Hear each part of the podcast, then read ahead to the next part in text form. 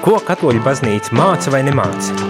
Klausies priesteru katehēzi katru darba dienas rītu pulksteni 9 vai atkārtojumā 11. vakarā.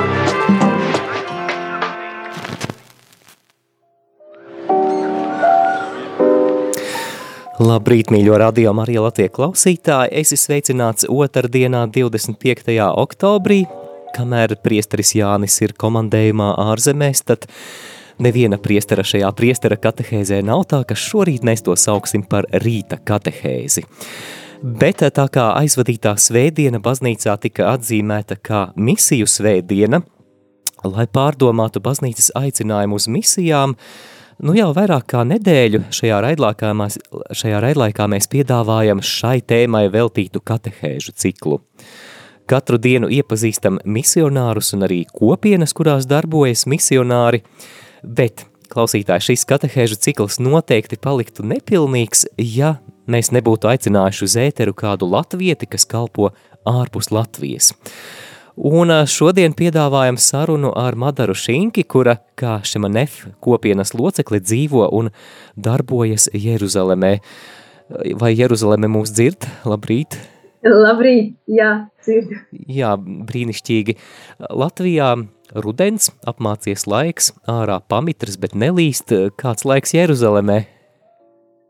Nu, kļūst vēsāks, bet mm -hmm. vēsāks priekš manis nav tas pats, kas vēsāks Latvijā.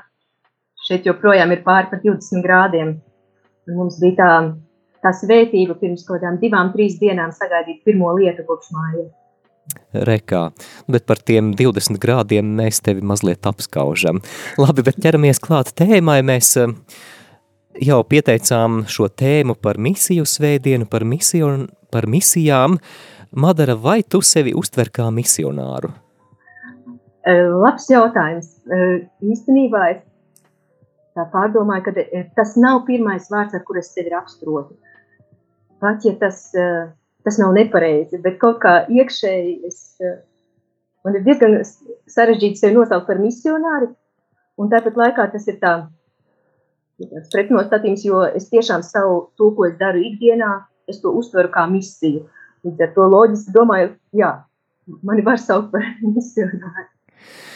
Savukārt kopiena, kurā tu esi, kopiena Šemanef, jeb jaunais ceļš darbojas dažādās pasaules valstīs, vai līdz ar to var uzskatīt, ka šī kopiena arī ir misionāra, un vai tās ir vietējās misijas, kas tiek izveidotas gan Jeruzalemē, gan citās pasaules valstīs? Jā, kopiena pilnīgi noteikti ir misionāra, tā ir apustuliska kopiena, un uh, mūsu pastāvēšanas mērķis ir būt misijā un iet pie cilvēkiem un pasludināt labo vēsti. Mm -hmm. Jā, ļoti aktuāls aicinājums visos gadsimtos, visos laikos, atsaucoties Jēzus aicinājumam iet un darīt par mācekļiem visas tautas. Varbūt tu varētu mazliet ieskicēt klausītājiem, kādā veidā šo misiju kopiena izpilda? Kas ir tās aktivitātes, ko piedāvā vai kādā, kādās formās šī evanģelizācija izpaužas? Tu man to jautā vairāk kā tur, kur es šobrīd atrodos, vai kop, kopienā kopumā? Ko, kopumā. Kopumā mūsu aicinājums ir aicinājums uz kristiešu vienotību, un pat ne tikai uz kristiešu vienotību, bet uz vienotību dažādos līmeņos, un, un misijas to atspoguļo. Tas ir vienotība cilvēkā iekšā, līdz ar to mēs piedāvājam ignāciskās rekolekcijas, jo kopiena balstās uz ignācisko garīgumu. Tā ir, jā, arī šī vienotība vispār, lai to palīdzētu iekšējo vienotību sasniegt, mēs arī piedāvājam dažādas misijas jauniešiem. Otrs aspekts ir vienotība pārī, līdz ar to kopiena piedāvā misijas priekš pāriem, kas saucās kāna um, arī ir dažādas formācijas, gan Network īsi video, kas, uh, kas apskata katru reizi kādu citu aspektu, bet kas tiešām vienmēr ir uh, veidoti priekš, priekš šīs vienotības arī sabiedrībā. Jā, par dažādiem sabiedrībā aktuāliem tematiem, kā mēs varam kā kristieši iesaistīties un būt līdzdalīgi tajā. Un, protams, arī jā, tieši par kristiešu vienotību, gan, gan lūdzoties par to, gan gan koncentrēties, iepazīt otru baznīcu, to apmeklēt. Um, arī kopienā brāļi un māsas ir no dažādām konfesijām. Parunāsim par to, kādi ir tavi pienākumi Jeruzalemē. Um, šeit ir kopienā tāda diezgan uh, netipiska situācija, jo es dzīvoju viesu mājā, un mūsu, mūsu tiešā misija ir uh, darboties, strādāt šajā viesu mājā, kurā mēs uzņemam svētceļniekus. Um, tiešām mūsu ikdiena viss uh, grozās ap to. Es personīgi uh, strādāju rezervācijas uh, birojā, līdz ar to es pieņemu visas rezervācijas gan turistus, gan svētceniekus, kuri grib pavadīt kādas dienas pie mums. Un arī es esmu atbildīga par apkopējām, gan viņām sagatavojot darbus, gan pēc tam pārbaudot, ka viņas tiešām visu ir labi izdarījušas. Kā lai saka, teikt tāds diezgan parasts darbs vai uh, darbs, kurā ir grūt, kur ir grūtāk nosaukt par misiju. Bet vai šajā darbā, kā tu minēji, kuru ir varbūt grūtāk nosaukt par misiju, tu spēji atrast arī Dievu? Pilnīgi noteikti, kā es saku, es pilnīgi noteikti viņu meklēju katru reizi. Kā man izdodas atrast, tas ir atkarīgs arī no manas iekšējās nostājas un no apstākļiem. Bet um, mana kolēģi, kas bija pirms manis, viņa uz datora uzlika um, vienu pantu no vēstules ebrejiem, no 13. nodaļas, otrais pāns, neaizmirstiet viesmīlību, jo daži ar to pašiem nezinot savos namos ir uzņēmuši eņģeļus.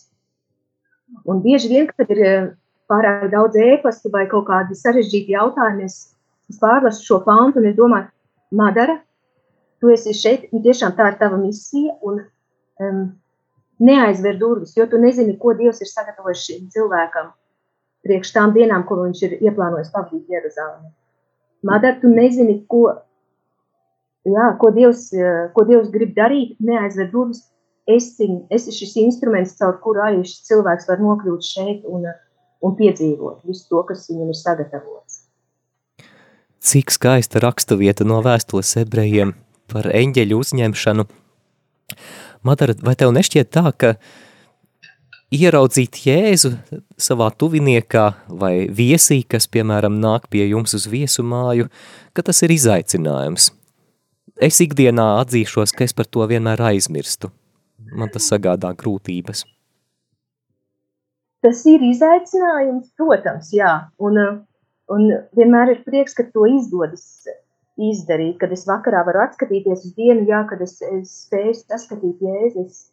Um, manos līdzcilvēkos. Jo tas izaicinājums arī ir tāds pie mums, ka cilvēki ierodas uz vienu vai divām, maksimums trīs naktīm, un līdz ar to ir nemitīgi jauni cilvēki, kurus mēs satiekam, kuriem mēs sakam labdien, laipni lūgti, un nākamajā rītā mēs viņiem sakam uz redzēšanos. Līdz ar to ir, man personīgi tas ir liels izaicinājums, nemitīgi iesaistīties attiecībās kaut vai ar vienu, divām frāzēm ar cilvēkiem, ko es redzēšu 24, varbūt 48 stundas. Un es nemitīgi sāku no jauna. Jā. Jā. Tas ir izaicinājums, bet, kā lai saka, šobrīd tas ir tas, ko Dievs no manis, aiz, no manis sagaida. Bet, Madara, vai šie ikdienas pienākumi, kalpojot viesu namā, netraucē piedalīties kādā kopienas lūkšanu ritmā, vai, vai ir arī šis elements? Uh, Protams, ka mēs, pie, mēs pielāgojam savu lūkšanu ritmu mājas realitātei. Eh, mēs nevaram apstāties jebkurā brīdī un teikt viesiem, ne, jūs, jūs tagad neēdīsiet, jo mums ir lūkšanas. Līdz ar to mēs, tad, eh, tas ir mistes. Pirms mēs sākam darbus no rīta, un mums, mums nav šeit priesteris, kas dzīvo uz vietas mājā, bet Es to uztveru kā tādu dāvanu. Mēs esam aicināti aicināt priesterus, kuri šeit ir ieradušies uz semestru, uz gadu vai diviem gadiem studēt, jo šeit ir diezgan daudz augstskolas. Un, uh, un tad viņi nāk mums svinēt misijas. Tas ir arī tāds liels prieks, ja kaut kas no ārpuses, kāds cits cilvēks, kas nav jā, kurš mums svin šīs. Tas ir, un pēc vakarā, pirms vakariņām, tad mums ir vesteris un adorācija. Tas, cik nu, cik nu pienākumi ļauj, tik mēs esam klātesoši tajā. Vai šemanef kopiena Izrēlā ir tikai Jerusalemē vai arī vēl kaut kur ir? Kopiena ir, teiksim tā, Jeruzālēmē mēs esam četri cilvēki šeit, Ečelmo mājā, Un ir viena māsa, kas ir um, Jeruzalemes otrā pusē. Bet, kā lai saka, diemžēl viņa tur ir viena pati, viņa ekumeniskajā institūtā, Tantūra strādā. Un tad vēl ir uh, kopienas brāļa māsas Nācaretē, bet arī tur kopš pusotra gada mums ir tikai viesu māja, jā. Bet tur atkal ir citādāka situācija, interesanta, jo uh, tas īpašums pieder Melkīta baznīcai un uh, Un tiešām blakus mājai ir eh, Melkīta draudze. Līdz ar to eh, caur, caur šo atrašanās vietu mēs esam nemitīgi aicināti iepazīt Melkīta baznīcu vairāk un veidot attiecības ar viņiem. Kaut kas, ko es pirms ierašanās šeit vispār eh, gandrīz nezināju tādu vārdu. Jā, tas ir viens no austrumu ritiem, jā, ja es pareizi saprotu. Jā, grieķu katoļu. Grieķu katoļu. Mhm. Jā. Jā, Jā, ļoti interesanti. Es vēlētos ēterā iesaistīt arī klausītājus. Iespējams, ka šajā brīdī mūs klausās kādi šemanef kopienas pārstāvji, varbūt kādi cilvēki, kuriem vismaz minimāli ir bijusi saistība ar šo kopienu, piedalie, piedaloties kādās rekolekcijās, kādā pasākumā. Ļoti priecāsimies no jums dzirdēt, ko jums nozīmē pieredze šajā kopienā. Rakstiet un zvaniet uz studiju Numurs īziņām ir 266 77 272. Savukārt studiju var sazvanīt uz numuru 67 969 131. E-pasts ir studija at rml.lv un noteikti arī varat eh, pasveicināt Madaru caur ēteru un arī pajautāt viņai, ja vēlaties kaut ko uzzināt, ja kāds tikko ir pieslēdzies, tad eh, šajā katehēzē mēs – sarunājamies ar Madaru Šinki, kura pārstāv kopienu Šemanef un kura šobrīd kalpo Jeruzalemē. Dodamies mūzikas pauzē, lai pavisam drīz atgrieztos atpakaļ ēterā.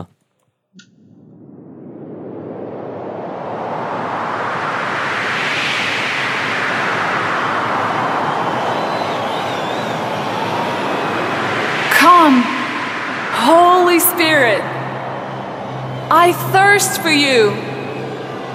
I need your presence.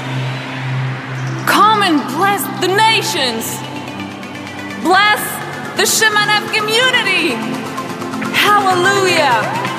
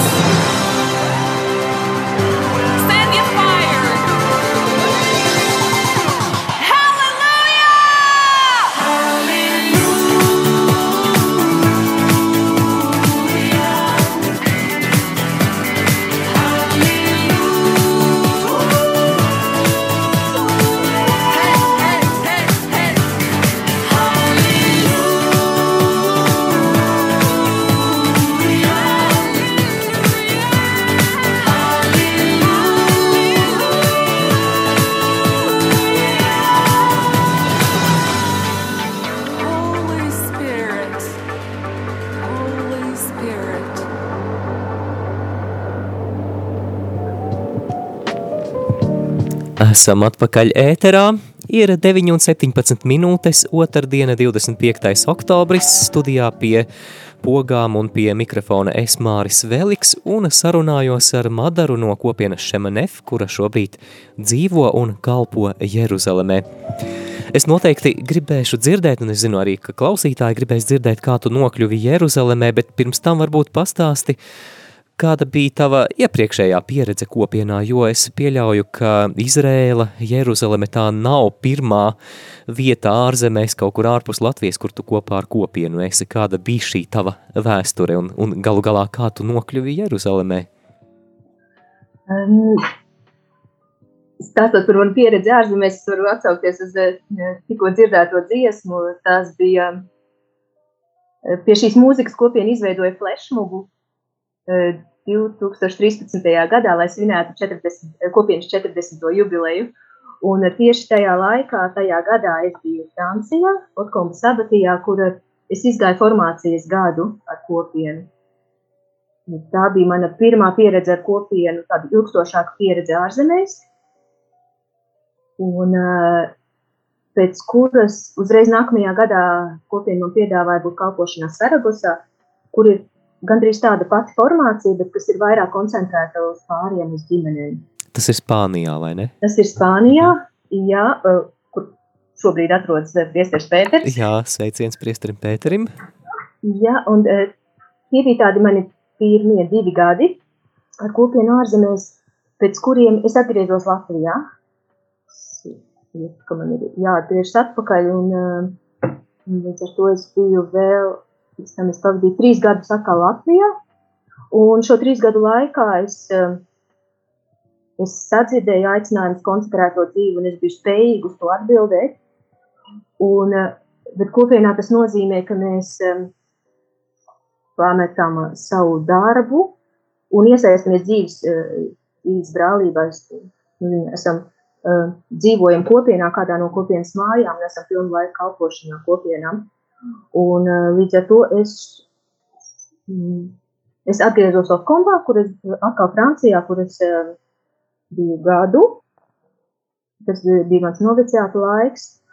Un pēc šī pirmā gada Otkombā kopiena man piedāvāja tajā brīdī doties uz Jeruzālemi. Jā, tas bija 2018. gads. Tagad es, tagad es sāku savu piekto gadu Jeruzālēmē. Līdz ar to um, t, uh, tas nebija mans lēmums doties uz Jeruzalemi, kopiena man to piedāvāja. Es atzīšos, ka es nelēkājos prieka, man nebija tāda ārkārtīgi liela vēlme doties uz Jeruzalemi, uh, bet tāpat laikā es nevarēju atrast nevienu iemeslu, lai teiktu, nē, es te nebraukšu. Jā, nu jau vairāki gadi Jeruzalemē, bet uh, vai tev nepietrūkst Latvijas? Um, kā lai saka, protams, ka no sākuma man Latvijas pietrūka vairāk nekā šobrīd. Um, ir tā, ka tas ir tā kaut kādiem brīžiem, ir uh, kaut kādi aspekti, kas man pietrūkst. Es atzīstos, ka man ļoti pietrūkst Latvijas četru sezonu. Man, man pietrūkst Latvijas zaļuma, jo šeit es dzīvoju uz tūkstneša sliekšņa. Līdz ar to tas ir. Um, jā, ir tāds diezgan sauss un diezgan tuksnešains. Un, uh, un uh, tas man liek domāt par Latviju, tas man liek domāt par Latvijas dabu. Un, jā, un es arī smējos citiem, kad šeit apmēram 6 mēnešus gadā ir 30 grādi. Un, kad es vairs nevaru izturēt, es saku, ziniet, man tomēr ir ziemeļnieku gēni. Es, es nāku no nosacīta ziemeļiem. Um, bet, uh, bet ir tā žēlastība, kad es spēju būt šeit un nevis ar domām visu laiku Latvijā. Kad, jā, būt šeit un tagad, tur, kur Dievs mani šajā brīdī ir ielicis. Vai Šemanef kopienas locekļiem ir iespēja arī tomēr pateikt nē, ka es uh, negribu braukt uz Jeruzalemi, es gribu braukt, piemēram, uz Saragosu vai, vai kaut kur citur uz Brazīliju? Protams, ir šī iespēja, jo tas, eh, kā lai saka, tas um, tā nav pavēle. Tas ir piedāvājums doties no vienas misijas uz otru, mainīt misiju, bet uh, tas vienmēr notiek dialogā. Um, skatoties arī iziet no tā, ko cilvēks piedzīvo, kādas ir viņa gaidas, kādas ir viņa vajadzības. Uh, bet um, tiek uzklausīti argumenti, bet, uh, kā lai saka, tiešām arī, kas ir šie mani argumenti, kāpēc es gribu vai kāpēc es negribu, vai tas ir kaut kāds manas egoistiskas vēlmes, vai tie ir kaut kādi plus-mínus racionāli argumenti. Un arī izvēlēties konsekrēto dzīves, es zināju, ka es saku jā nezināmajam, ka es saku jā valstīm, kurām mani nosūtīs, kuras es nebūšu pat izvēlējusies. Tā kā Jā, Jeruzaleme noteikti ir ļoti īpaša vieta, un vēlējos arī, Madara, tev jautāt, vai dzīve Jeruzalemē liek arī vairāk aizdomāties par bībelē aprakstītajiem notikumiem, par Jēzus dzīvi? Uh, jā, es pilnīgi piekrītu, ka Jeruzaleme ir īpaša vieta, uh, un uh, dzīve šeit, eh, kā lai saka, es ārkārtīgi novērtēju šo iespēju, kas man ir dota no kopienas puses šeit būt un uh, atklāt uh, Jēzus dzīvi, atklāt Bībeli pilnīgi citādāk.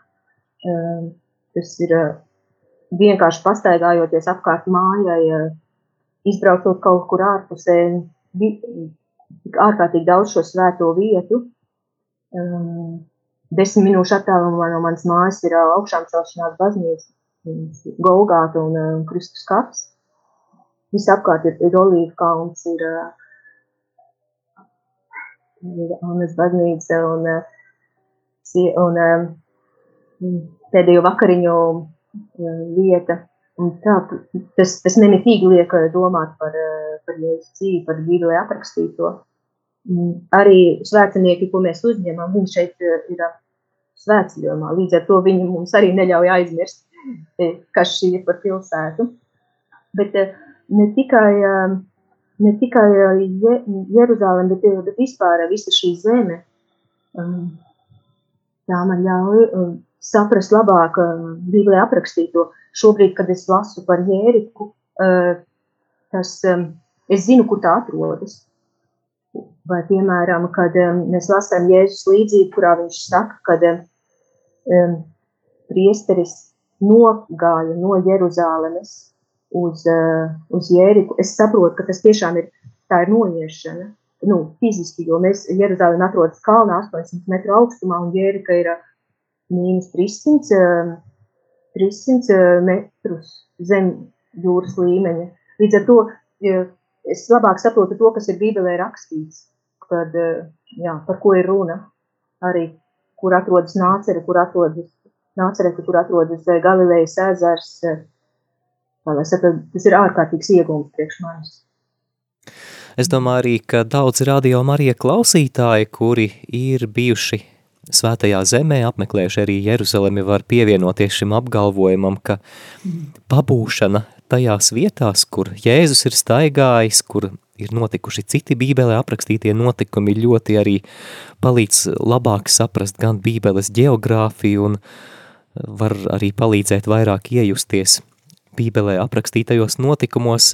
Jā, mīļo klausītāji, ja tev ir kāda pieredze arī par Jeruzalemi, tad ēters ir tavā rīcībā droši vari iesaistīties gan zvanot, gan rakstot atgādināšu tālruņa numuru – Ja vēlies mūs sazvanīt, numurs ir 67 969 131, bet numurs īziņām un WhatsApp ziņām ir 266 77 272. Noteikti tev ir arī kāds jautājums, ko tu vēlētos uzdot Madarai. Bet Madara, Jeruzaleme ir pilsēta, kurā ir jaušama dažādu reliģiju klātbūtne.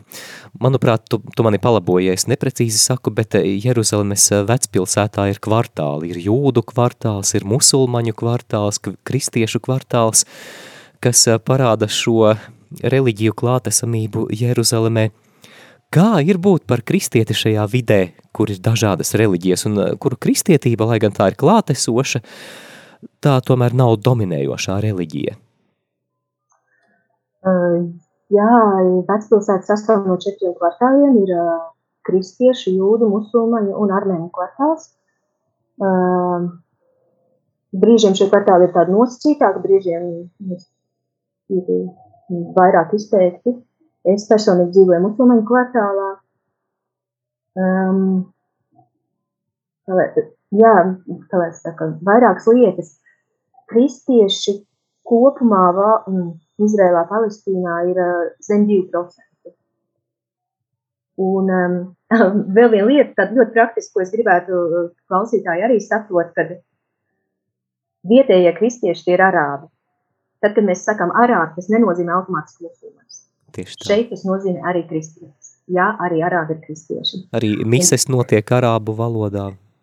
Jā, vie, vietējā baznīca pārsvarā sastāv no arābiem, no arābu kristiešiem.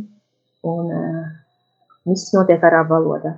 Ir dažas, uh, ir dažas draudzes, četras vai piecas pa visu valsti, uh, kurās viss notiek ebreju valodā, bet, uh, kā lai saka, tā ir minoritāte uh, šī valoda baznīcām šeit.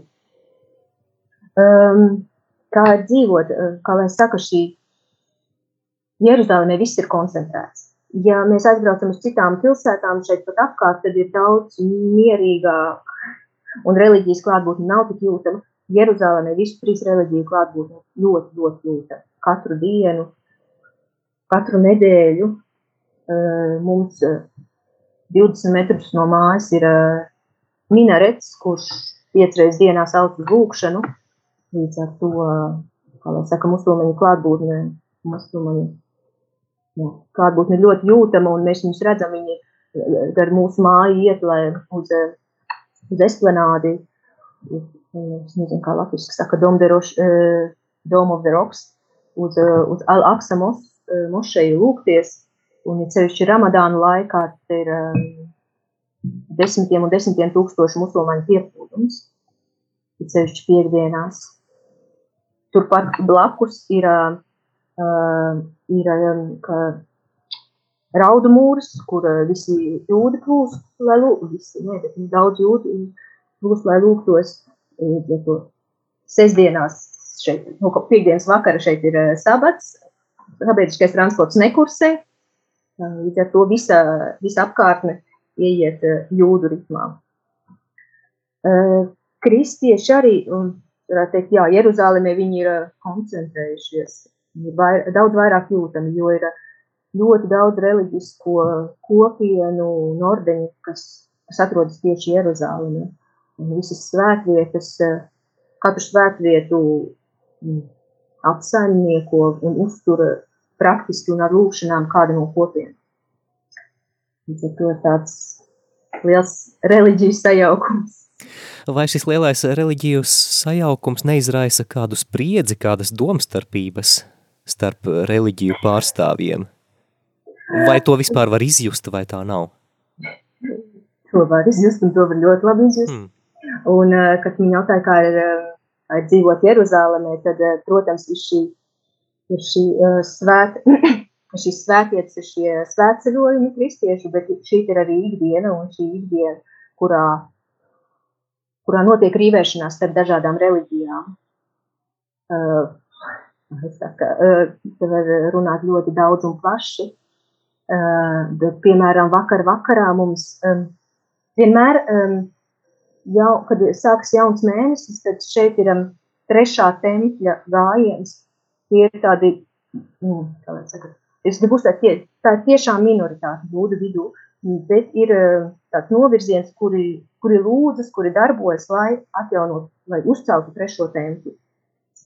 Un tad katru mēnesi ir šī diena, kurā viņi iet apkārt ap šo mūri un uh, ar skaļām dziesmām, ar skaļiem saucieniem, un uh, drošības pēc uh, policija visu nobloķē.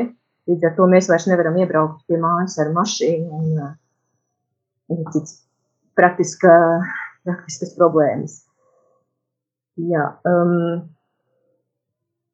es nezinu, cik daudz es gribu runāt par visiem par eh, visām domstarpībām, kas ir starp dažādām reliģijām. Jo ir, ir brīži, kuros mēs ļoti labi sadzīvojam, un ir brīži, kad ir, kad ir stipra spriedze, bet uh, bieži vien tā spriedze ir mazāk saistīta ar reliģiju, cik ar uh, politisko pārliecību. Tas ir vairāk tāda politiskā rīvēšanās, kā, kā tīri teoloģiska vai reliģiska.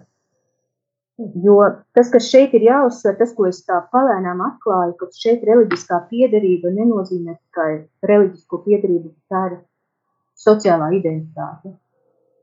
Visiem uh, iedzīvotājiem pasēs ir rakstīts, vai viņi ir jūdi, vai viņi ir musulmaņi, vai viņi ir kristieši. Nav iespējams būt nekam. Līdz ar to uh, šī reliģiskā piederība arī veido tādus sabiedrības uh, slāņus vai grupas. Katrs identificējas ar savu neatkarīgi no tā, viņ, vai viņš vispār tic dievam, vai viņš praktizē šo reliģiju, bet jau no dzimšanas viņš pieder kādai no reliģiskajām grupām. Un, līdz, ar to, līdz ar to šī reliģiskā un politiskā un sociālā sfēra ir ļoti, ļoti sajauktas. Un man liekas, tas ir tas, kas arī apgrūtina jebkādu konfliktu risināšanu. Bieži vien ir arī, bieži vien, bet te ir cīņa par kvatru, katru zemes kvadrātmetru, te ir demografiskā cīņa, vai valstī būs vairāk arābu vai jūdu vai, izrēliešu. Līdz ar to tas viss ir ļoti sajaukts. Madara, varbūt ir kādi pozitīvi piemēri miedarbībā ar citu reliģiju pārstāvjiem, kad uh, ir bijusi jūtama kāda pretimnākšana vai, vai dialogs vai savstarpēja palīdzība? Protams, tas, tas arī ir klātesošs uh, visu laiku. Piemēram, mūsu mājā mums ir tikai arābu strādnieki, darbinieki, bet tie ir gan kristieši, gan uh, musulmaņi. Un, un viņi ļoti labi saprot, mēs ļoti labi saprotamies gan ar kristiešiem, gan ar musulmaņiem. Mums šeit strādā viena musulmaņu ģimene, un es caur viņiem esmu atklājusi šo tiešām dziļi garīgo islāma pusi jo ir divi cilvēki, brālis ar māsu, kas, kas tiešām dziļi lūdzas, un mēs varam tikai no viņa mācīties, kā, kā sekot Dievam. Tas ir tāds viens piemērs. Um, jā, kā lai saka, es uz ielas arī esmu, varu, varu runāt ar veikalu īpašniekiem, gan kristiešiem, gan musulmaņiem, kas ir visi, visi ir laipni un visi ir atvērti.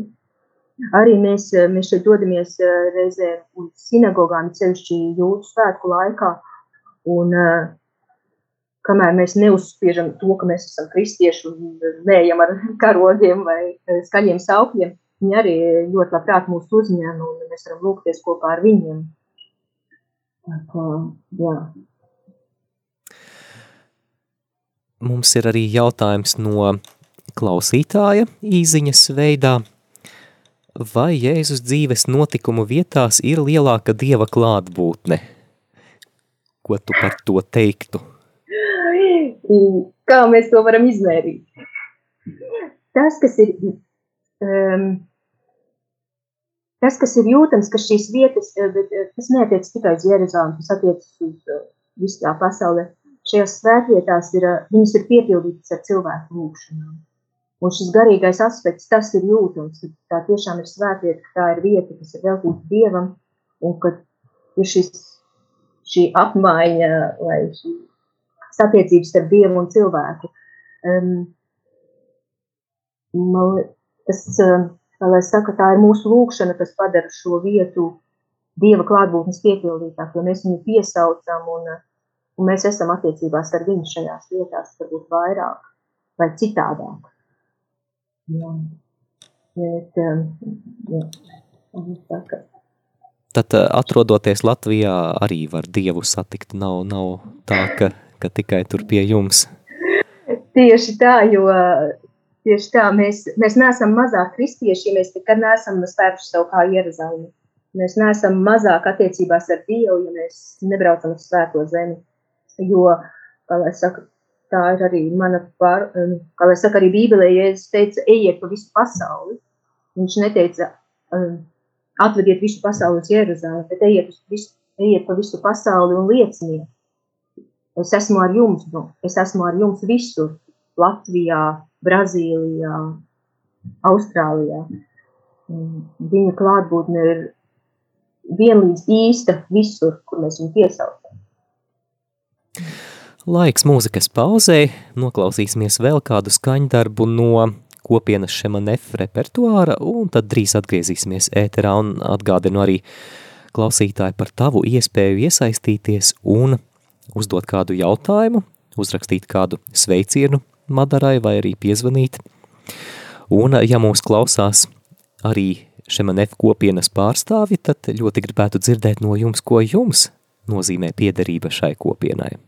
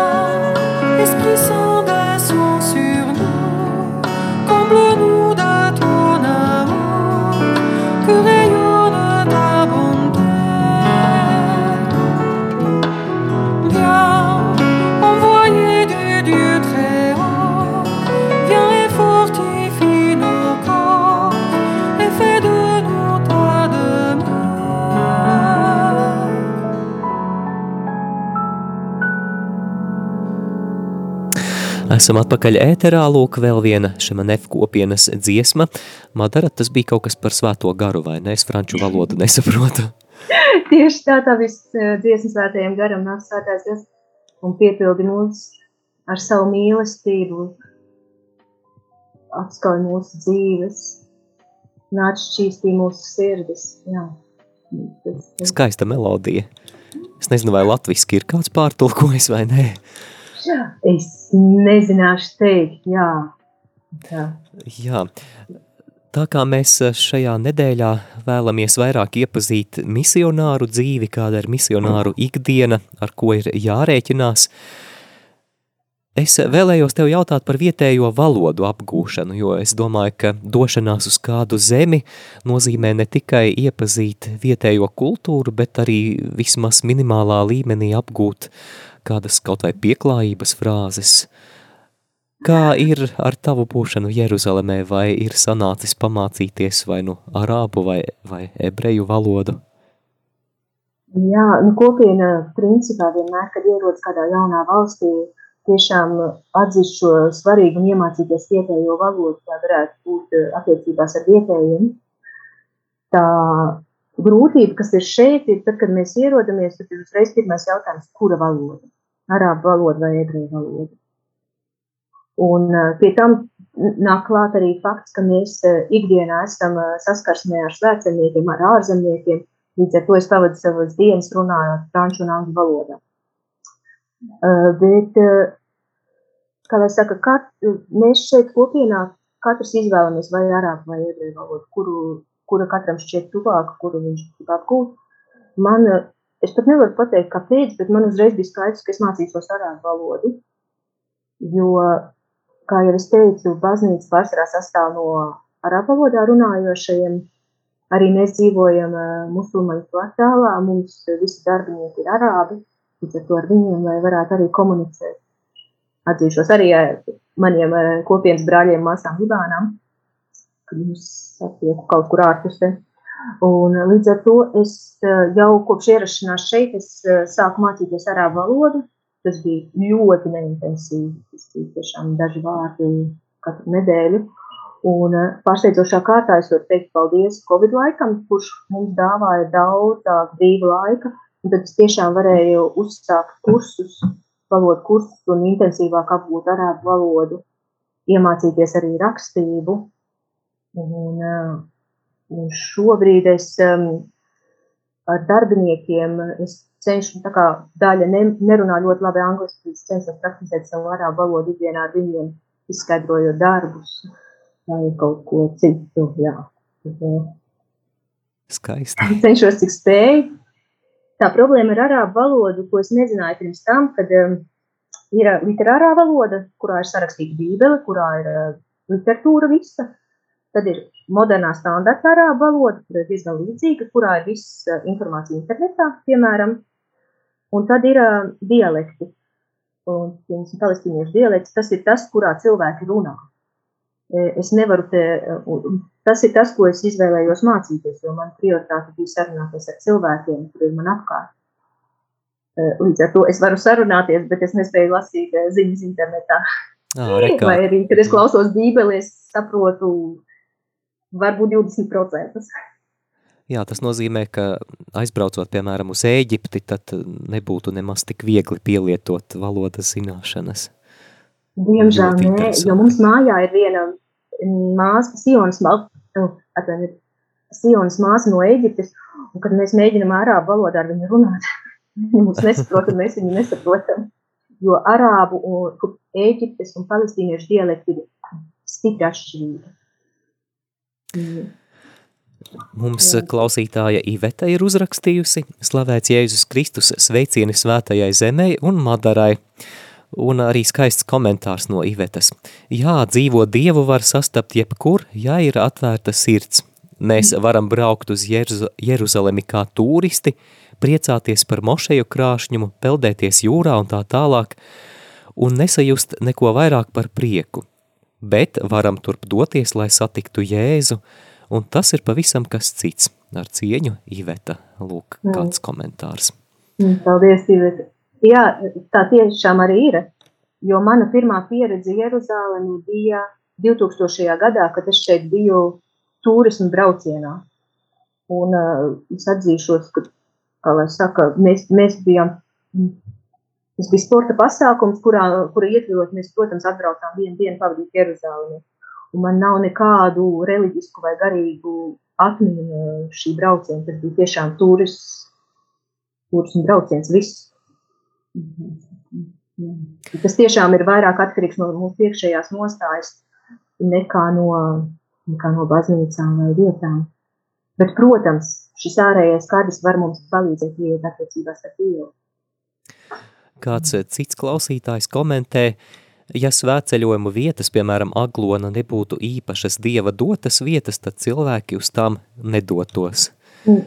Jā, lūk, arī šāds komentārs, bet jau tuvojoties raidījuma noslēgumam, es vēl gribēju jautāt par kādu, manuprāt, svarīgu aspektu, kas varētu būt aktuāls daudziem radio klausītājiem, cevišķi jauniešiem, kuri meklē savu aicinājumu. Tu, Madara, esi atpazinusi savu aicinājumu uz dzīvi Šemanef kopienā, aicinājumu uz konsekrēto dzīvi. Varbūt tavs ieteikums no tavas pieredzes, kas tev palīdzēja tavu aicinājumu uz dzīvi kopienā, uz Dievam veltīto dzīvi atpazīt? Kam būtu īpaši jāpievērš uzmanība? Man šķiet, ka viens no tādiem izšķiršanās kritērijiem ir prieks. Vai uh, tur, kur es esmu, vai tur, kur es domāju, ka kungs mani aicina, vai es tur izjūtu prieku. Jo mm, kungs mūs neaicina dot, kā lai saka, uz milzīgu upuri. Viņš vēlas mūsu laimi, mūsu prieku. Un uh, Es teiktu, ka tas ir viens no tādiem kritērijiem, kas arī man bija viens no kritērijiem, eh, iesaistoties kopienā. Es jutos labi, domāju, bet kāpēc man meklēt kādu citu kopienu, ja es jūtos labi šeit, ja es jūtos uh, labi attiecībās ar Dievu, attiecībās ar brāļiem šeit. Tas bija viens no kritērijiem. Arī attiecībā uz konsekrētās dzīves izvēli um, man tas aizņēma laiku daudzus šaubu un jautājumu gadus, bet es eh, šobrīd es varu tiešām pateikties Dievam par šo laiku, ko viņš man deva un kur, kurā viņš sevi neuzspieda. Bet viņš ļāva man iekšēji iet šo ceļu, uzdot jautājumus, meklēt atbildes, mēģināt saprast, kas man ir būtiski, kas man nav būtiski, lai, um, lai tajā brīdī, kad viņš man e, aicināja un kad es spēju teikt, jā, tā bija dāvana, ko es saņēmu Eh, nevis eh, upuris, ko es Dievam sniedzu. Kantela Nesa viņš raksta par to, un es eh, tiešām esmu pateicīga par šo laiku, kurš nebija viegls šis izšķiršanās laiks, bet beigās tas bija, jā, kā dāvana. Šis aicinājums uz konsekrēto dzīvi bija kā dāvana, ko es saņēmu. Um, kā, kā citi ieteikumi, ir nepieciešams laiks, ir nepieciešams laiks lūkšanai, ir nepieciešams laiks bībeles lasīšanai, lai spētu dod, uh, dodiet iespēju Dievam runāt. Uh, un viņš, var, viņš runās arī caur uh, ikdienas notikumiem, caur cilvēkiem, ko viņš sūtīs jūsu ceļā, bet tā būs lūkšana, kura sagatavos jūsu sirdi atpazīt, kurā brīdī tas ir Dievs, kas runā. Skaisti, paldies tev, Madara. Un noslēgumā vēl kāds klausītājs grib zināt, kad Madara atgriezīsies Latvijā. Labs jautājums. Jā, vai atgriezīsies? Jā, nav atbildes skaidrs, bet nu vismaz ciemos atbrauksi, gan jau. Jā, kā tad es biju pagājušajā vasarā, tad es ceru, ka vai nu nākamajā vasarā vai aiznākamajā vasarā, kā varēšu atbraukt ciemos. Paldies, Madara, ka piekriti šai sarunai, lai Dievs svētī bagātīgi, bagātīgi tevi, lai tavs kalpojums ir patiešām Dieva svaidīts, esi Dieva klātbūtnes nesēja tiem cilvēkiem, kurus Dievs tev sūta ikdienā, un arī sveiciens visiem tavas kopienas locekļiem, lai Dievs tevi bagātīgi svētī. Paldies tev! Paldies!